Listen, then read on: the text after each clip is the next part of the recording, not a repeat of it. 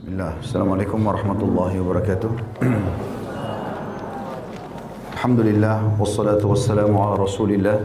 Segala puji dan puja kehadirat Allah Subhanahu wa taala juga salawat dan taslim kepada Nabi besar Muhammad sallallahu ala alihi wa sahbihi wasallam. Baik, bab keempat masalah ibadah. Manhaj Islam dalam beribadah. Manhaj sudah saya jelaskan terjemahnya adalah metode. Ya, pola. Kata penulis, masa kanak-kanak bukan masa pemberian beban perintah dan larangan, namun masa untuk menambahkan nilai, pelatihan, pengasahan, dan pendidikan agar suatu hari nanti anak bisa sampai pada tahap kesiapan untuk menerima beban perintah atau larangan di usia balik. Sehingga dia tidak mendapat kesulitan dalam menjalankan kewajiban agama dan siap ketika menjalankan menjalani kancah kehidupan dengan penuh keyakinan, percaya diri dan keteguhan. Ini penjelasan paragraf ini penting sekali ya. Jadi anak-anak itu kita harus fahami selama mereka belum balik bukan saatnya kita paksakan mereka mengerjakan perintah atau meninggalkan larangan, tapi penanaman nilainya. Kenapa babi haram? Kenapa disuruh sholat? Ya, kerjakan ini karena Allah suruh, karena ini, karena itu, itu yang ditanamkan. Sehingga nanti pada saat balik mereka mengerjakan perintah dan meninggalkan larangan karena memang keyakinan dirinya terbentuk karakter itu. Nah ini banyak orang tua tidak paham masalah ini. Sehingga dia mengatakan harus anak ini ditekankan begini, harus begitu. Tapi beda dengan tadi yang saya bilang ya, kalau pola kita buatkan, misalnya tadi kita masukkan ke pesantren, kita masukkan ke surat tapi itu bagus. Karena kita sedang membuat dia memahami mana yang boleh, mana tidak boleh. Dan kita menggunakan, memaksimalkan lingkungan di sekitar kita supaya bisa membantu kita untuk itu. Dengan adanya guru-guru di sekolah misalnya. Ibadah kepada Allah Ta'ala memberi pengaruh yang sangat menakjubkan dalam diri anak. Karena anak memiliki ikatan kuat dengan Allah. Perasaan emosional terkendali dan hawa nafsu terpelihara. Sehingga anak berperilaku lurus dan bersikap istiqamah. Tidak terkuasai oleh syahwat. Bahkan anak akan memiliki jiwa yang sangat peka terhadap lingkungan dan senantiasa rendah hati. Ketika membaca ayat-ayat Allah atau mendengarnya, saat berdiri dalam solat dan sujud atau sujud, saat mendengar azan maghrib pada bulan Ramadan, ketika hendak mulai berbuka puasa, setelah seharian merasakan lapar dahaga, hati dan bulu kuduknya merinding. Juga ketika mendengar gema talbiyah orang-orang yang sedang haji. Maksudnya adalah beliau menitik beratkan penulis ini, kalau kita biasa tanamkan nilai-nilai agama pada anak-anak dari kecil, maka apa yang Bapak Ibu rasakan sekarang dari keimanan sudah mereka rasakan dari kecil. Itu luar biasa pengaruhnya pada saat mereka dewasa nanti. Akan menjadi orang yang jauh lebih beriman dan lebih kental secara ibadah ya daripada kita. Di sini beliau sebutkan misalnya masalah talbiyah labbaik Allahumma labbaik labbaik la syarika lak labbaik innal hamda wan ni'mata lak wal mulk la syarika lak. Artinya coba renungi kalau ini kau terjemahkan kepada anakmu kalau orang haji nak sedang menjawab panggilan Allah makanya mereka membaca labbaik Allahumma labbaik aku menjawab panggilanmu dengan santun ya Allah. Itu terjemahan letterlet ya kalau di sini tulis terjemahannya aku penuhi panggilanmu ya Allah. Aku penuhi panggilanmu aku penuhi panggilanmu tidak ada sekutu bagimu. Sesungguhnya segala puji, nikmat dan kerajaan hanya hanya bagimu. Tidak ada sekutu bagimu. Di sana masih banyak pengaruh ibadah pada anak yang tidak bisa dihitung satu persatu yang menambah keimanan dan keteguhan anak dalam beragama. Rasulullah SAW maksudnya dalam penjelasan masalah agama-agama seperti ini melibatkan mereka dalam sholat dan ibadah-ibadah yang lain ada hal-hal yang tidak bisa kita jelaskan lagi. Karena mereka akan menangkap itu jauh lebih peka daripada kita. Karena begitu kita jelaskan satu instruksi kepada anak-anak maka mereka akan tanamkan itu sebagai sebuah pola hidupnya. Ya, saya berapa kali tanamkan kepada anak-anak itu begini anak karena begini dan begitu. Sampai pada tingkat kalau dia di sekolah disampaikan hal yang berbeda oleh gurunya, dia langsung mengatakan pada gurunya, nggak mungkin, itu salah. Ya. Karena saya dengarkan dari ayah saya begini dan begitu, gitu kan. Karena mereka sudah menerima informasi awal itu. Makanya kalau salah maka berbahaya. Nih. Kalau benar akan sangat membantu dia terbentuk. Ya. Rasulullah SAW telah memberikan kabar gembira bagi anak-anak dari Abu Umamah radhiyallahu bahwasanya Rasulullah SAW bersabda, "Ma min nashi'in yansha'u fil ibadati hatta yudrikahu al-mautu illa atahu Allahu ajra tis'atin wa tis'ina siddiqa." Tidaklah ada seseorang yang tumbuh di atas ibadah, maksudnya anak ini sebenarnya, tidak ada seseorang anak yang tumbuh di atas ibadah hingga ia dijemput oleh kematian, melainkan Allah akan memberikan balasan berupa pahala 99 siddiq. atau orang terpercaya. Namun hadis ini dilemahkan oleh para ulama ya. Al-Haythami melemahkan dalam Majma' Zawaid. Tapi ini disebutkan oleh Tabarani dalam kitab Al-Awsat nomor 780. Ibnu Abil Bar meriwayatkan dalam kitab At-Tamhid dengan sanadnya dari Umar bin Khattab radhiyallahu anhu dia berkata, kebaikan anak dicatat oleh malaikat sementara keburukannya tidak dicatat. Ya. Dan ini disebutkan oleh Ibnu Farah Al-Maliki dalam kitab Fathul Ali Al-Malik fi fatwa ala madhab Imam Malik. Ya. Artinya kalau seandainya ada anak kecil berbuat amal saleh, maka dicatatkan baginya untuk menangkan derajatnya di surga. Kalau dia berbuat buruk belum dicatat sampai dia balik tentunya. Ibadah merupakan pengaruh besar dalam pendidikan anak dan perkembangannya. Berikut beberapa contohnya. Kita masuk ke contoh pertama masalah solat. Allah subhanahu wa ta'ala berfirman tentang penekanan harusnya orang tua menyibukkan diri mem memerintahkan solat dan mengajarkan solat serta mencintakan solat itu pada anak-anak dalam surah Toha ayat 132.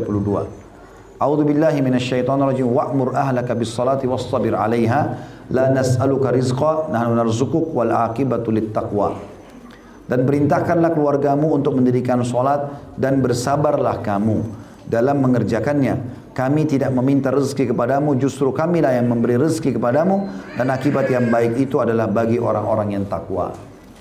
Yang dimaksud di sini adalah teman-teman sekalian, kalau kau perintahkan dirimu dan keluargamu untuk sholat, maka kami akan selalu melapangkan rezekimu. Ya. Baik buat kita ataupun buat anak-anak itu. Salah satu maknanya tentunya. Juga dalam surah An-Nisa 103 Allah SWT berfirman A'udzubillahi minasyaitonir rajim Fa'aqimus shalah fa'aqimus shalah inna salata kanat 'alal mu'minina kitaban mawquta Maka dirikanlah salat itu sebagaimana biasa Sesungguhnya salat itu adalah kewajiban yang ditentukan waktunya atas orang-orang yang beriman. Ya, jadi di sini kedua ayat ini menjelaskan ada perintah untuk mengerjakan salat dan juga mengajarkan kepada orang-orang terdekat termasuk keturunan kita tentunya.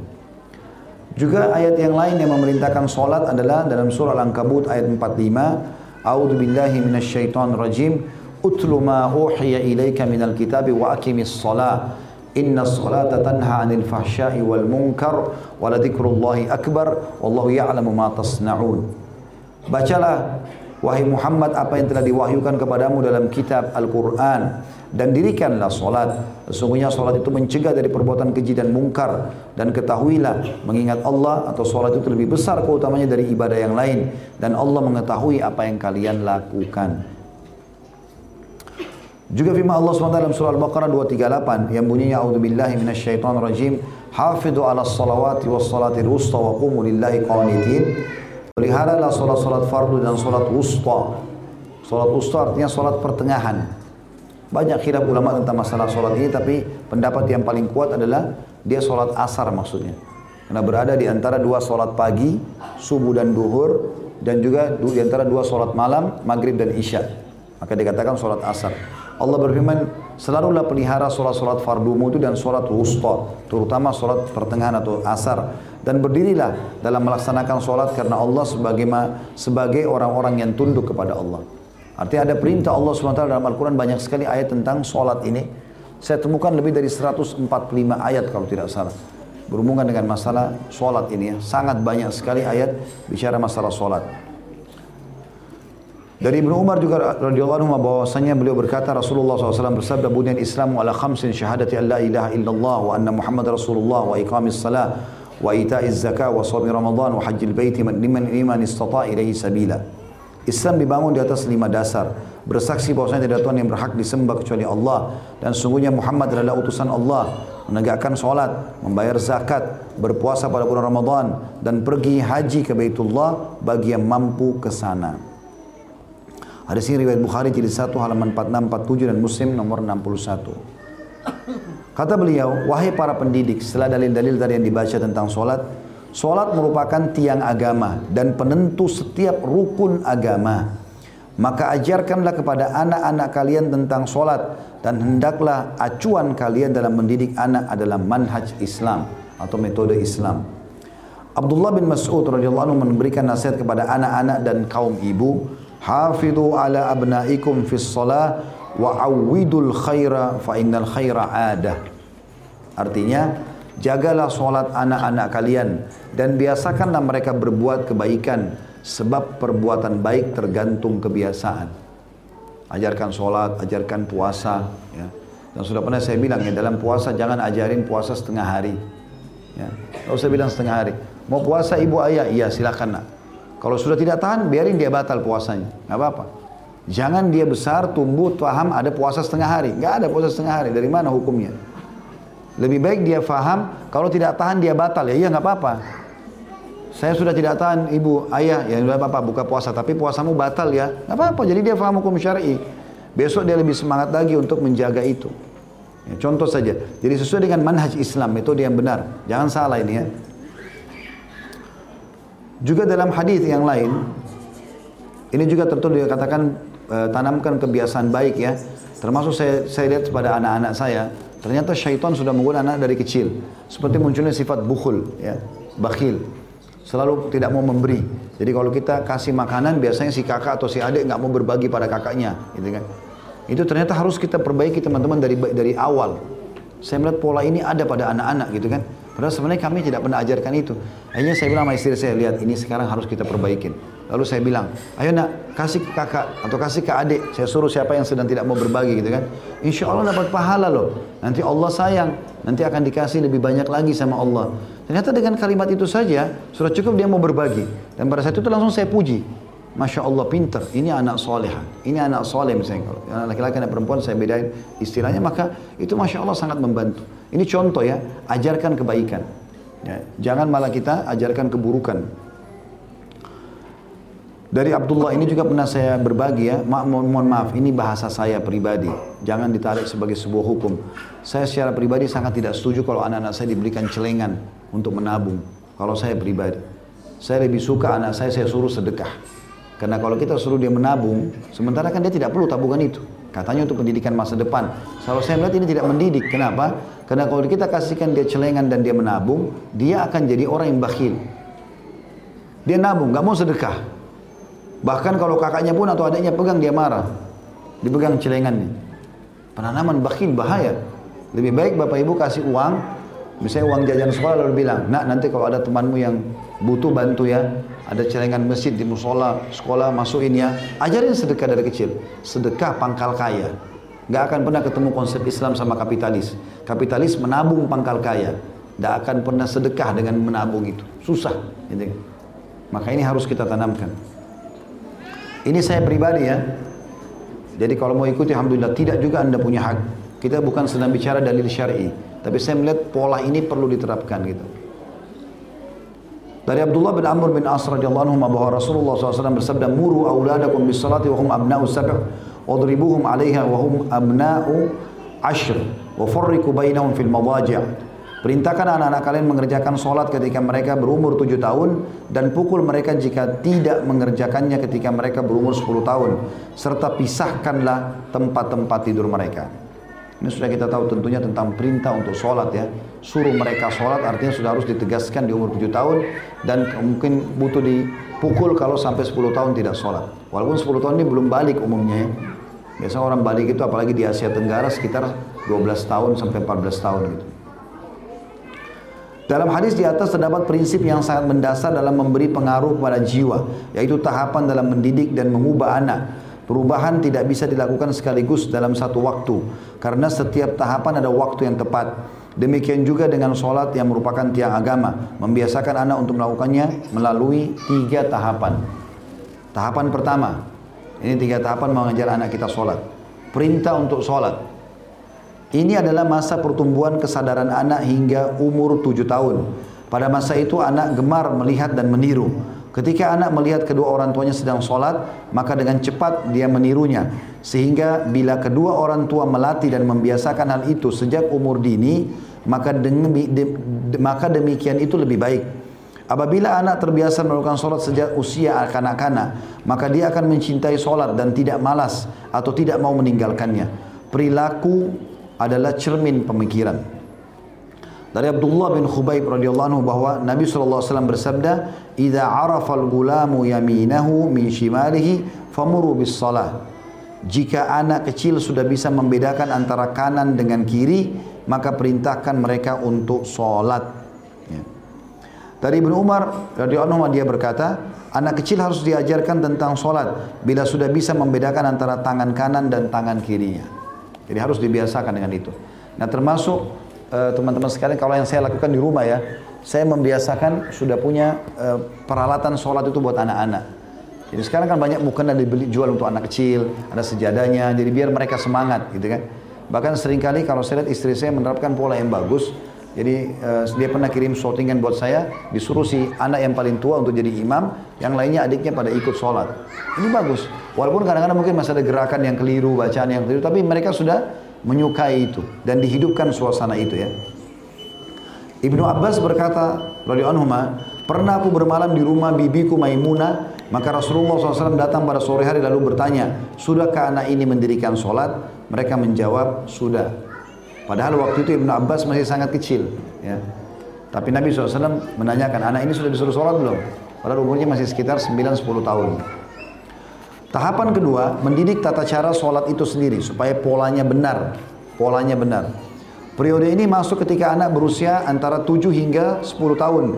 Maka pengarahan dan bimbingan kepada anak tentang tata cara sholat dari mulai rukunnya, syaratnya, waktunya dan hal-hal yang merusak sholat harus sudah dimulai. Ya, misalnya dia harus wudhu kalau mau sholat, tidak boleh bajunya ada najis, harus menghadap kiblat, masuk waktu, dijelaskan semua. Waktu awal di bawah tujuh tahun kita tidak harus terangkan itu. Dia ikut saja gerakan-gerakan sholat sudah cukup. Tapi sudah tujuh tahun sampai sepuluh tahun dia harus diajarkan semuanya. Dari Sabra bin Ma'bad Al-Juhani radhiyallahu anhu bahwasanya Rasulullah SAW bersabda, "Allimus sabiyya salata li sab'i sinin wadribu 'alaiha wadribu 'alaiha ibna ashri sinin." Ajarilah anak kecil untuk sholat ketika berusia tujuh tahun dan pukullah jika tidak mengerjakannya ketika berumur sepuluh tahun. Ini diriwayatkan oleh Abu uh, diriwayatkan oleh Abu Daud nomor 494. Kalau tadi riwayat yang Ibnu Abbas ditanya oleh Nabi SAW, sudahkah anak ini sholat? Itu diriwayatkan juga oleh Abu Daud jilid, jilid 2 halaman 40 ya. Tepatnya nomor 1356 hadisnya. Dalam lafaz lain dari riwayat Abu Daud, Nabi SAW bersabda, "Murus sabiyya bis salah idza balaga sab'a sinin." Perintahkan anak kecil untuk melakukan solat ketika sampai umur tujuh tahun. Dalam riwayat Ahmad bahwa Nabi SAW bersabda, "Idza balagal gulamu sab'a sinin, umira bis salah, fa balaga ashran, duriba 'alaiha." Apabila anak kecil telah sampai usia tujuh tahun, maka dia diperintahkan untuk sholat. Dan ketika telah sampai usia sepuluh tahun, maka dia dipukul jika tidak mengerjakannya. Riwayat Darul Qutni Nabi SAW bersabda, Muru sibyanakum bis salati di saba' wadribuhum alaiha li ashra. Perintahkan anak-anak kalian mengerjakan solat ketika mereka telah berusia atau berumur tujuh tahun dan pukul mereka jika tidak mengerjakannya ketika berusia sepuluh tahun. Dan ini hadis diriwayatkan oleh Darul Qutni jadi satu halaman 230. Rasulullah SAW juga memerintahkan anak-anak untuk sholat dan memberikan peringatan keras kepada mereka agar tidak menyia-nyiakan solat. Sebagaimana riwayat Anas bin Malik radhiyallahu anhu bahwasanya Rasulullah SAW bersabda kepadaku, Ya bunai, iyaka wal tifata fis salat, fa innal tifata fis salati halaka, fa in kana la budda fa fit tatawwu'i la fil fariḍah. Wahai anakku, Anas bin Malik masih kecil waktu itu, umurnya sekitar 10-11 tahun. Janganlah kamu menoleh ketika sedang solat, karena menoleh pada waktu solat adalah kehancuran.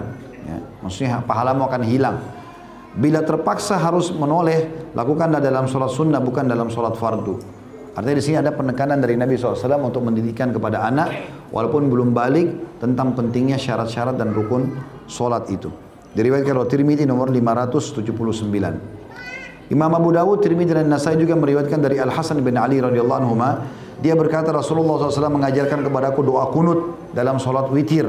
Allahumma hdini fi man hadait wa afini fi man afait wa tawallani fi man tawallait wa barik li fi ma a'tait wa kini wasrif anni syarra ma qadait fa innaka taqdi wa la yuqda alaik wa innahu la yadhillu man walaita wa la ya'izzu man adait. Tabarakta rabbana wa ta'alait Dikatakan bahwasanya ya Allah Nabi SAW mengajarkan kepada cucunya Hasan pada saat umurnya masih sangat kecil ya. Sekitar 10 tahunan diajarkan doa kunut ini agar dibaca pada saat witir. Ya Allah, berilah aku petunjuk bersama orang-orang yang kau berikan petunjuk. Berilah aku ke keafian atau keselamatan bersama orang-orang yang telah engkau berikan keafian atau keselamatan. Urusilah aku bersama orang-orang yang telah engkau urus. Berilah keberkahan pada apa yang engkau berikan kepadaku. Lindungilah dan jauhkan aku dari keburukan apa yang engkau tetapkan. Karena sungguhnya engkau lah yang maha memutuskan dan tidak diputuskan terhadapmu. Sesungguhnya tidak akan terhina orang yang engkau bela dan tidak akan mulia orang yang engkau musuhi. Maha suci dan maha tinggi engkau wahai Tuhan kami. Ini diriwayatkan Abu Daud nomor 1425. Artinya Nabi SAW sudah mengajarkan segala macam doa termasuk doa kunut yang mungkin dianggap cukup panjang sekitar 3-4 baris itu kepada anak yang berusia sekitar 9 atau 10-11 tahun ini. Dari Abi Dhar juga bahwasanya Rasulullah SAW bersabda, "Idza qama ahadukum fi sholati fala yamsahil hasa fa inna rahmata tuwajihu. Jika salah seorang di antara kalian sedang menunaikan solat maka janganlah dia mengusap kerikil. Karena sungguhnya rahmat berhadapan dengannya. Ya. di sini yang dimaksudkan adalah kalau dia lagi solat dia boleh bersihkan sebelum dia solat. Tapi kalau sudah solat jangan diusap tempat sujudnya. Perintah Nabi SAW jangan usap karena memang sudah ada begitu kita takbir sudah ada rahmat Allah letakkan di tempat sujud kita Artinya jangan mengusap kerikil yang menempel pada kening atau tempat sujud. Ya. Jadi kalau kita sujud pun ada debu, tidak usah dilap. Biarkan nanti habis sholat baru dilap. Jangan sementara sholat gitu ya. Karena itu bersama rahmat Allah subhanahu wa ta'ala. Jadi kalau mau dibersihkan justru sebelum sholat ya. Dari At-Tirmidzi dari Ummu Salamah radhiyallahu anha, dia berkata bahwa Rasulullah SAW melihat anak kecil bersama Aflah yang apabila bersujud dia selalu meniup. Maka Nabi SAW bersabda, Ya Aflah, Qarib wajhak. Wahai Aflah, buatlah wajahmu berdebu. Ya. Hadis ini diriwayatkan oleh Imam lima, ya, Abu Dawud, Tirmidzi, Ibnu Majah, Nasai, ya. E, Tirmidzi dengan sanad yang sahih. Artinya ada seseorang yang bernama Aflah, dia sholat selalu dia bersih-bersihkan debu yang ada di, di, di dahinya. Karena kan zaman Nabi SAW tidak ada keramik dan tidak ada keramik dan granit ya. Maka kalau sujud biasanya nempel tanah. Maka ini orang aflah ini suka gosok-gosok bersihkan. Anak-anak kecil banyak lihat dia. Maka Nabi SAW tegur sambil mengatakan, wahai aflah, biarkan wajahmu berdebu. Kalau itu terjadi pada saat kau sementara sholat. Kalau sebelum sholat boleh kita sapu bersihkan tempat sholat. Ya.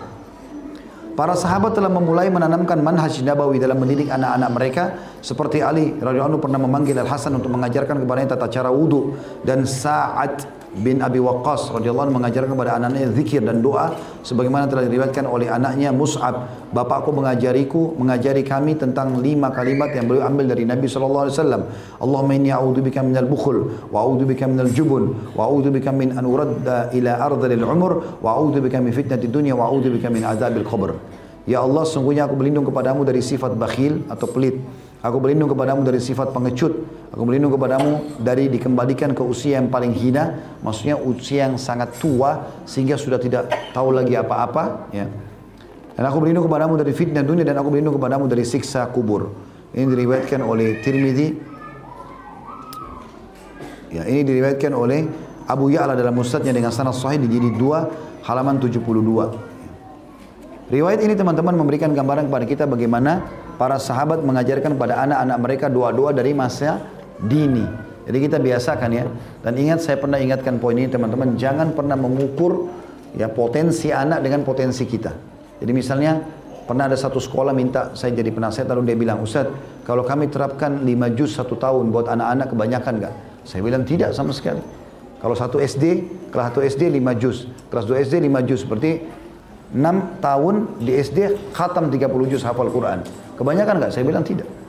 Apa itu bukan berat Ustaz? Iya, karena antum menjadikan tolok ukur berat ringannya adalah diri antum sendiri. Jadi masalah. Jangan pernah patok di situ. Berikan saja yang mana kita mau berikan kepada anak, biarkan potensi dia berkembang. Dan jangan merasakan ini untuk melampaui kemampuan dia tidak sama sekali. Potensi anak-anak sangat besar. Dan mulai dari kecil sampai dewasa, maka potensi itu selalu ada. Kita tinggal memaksimalkan potensi yang ada. Allahu a'lam. Uh, insya Allah hari Kamis depan saya bimbing umrah. Maka untuk sementara saya akan tidak hadir dua kali pertemuan dan kita akan kembali insya Allah setelah kembali itu. Subhanakallahumma bihamdika. Asyhadu an la ilaha illa anta astaghfiruka wa atubu ilaik. Wassalamualaikum warahmatullahi wabarakatuh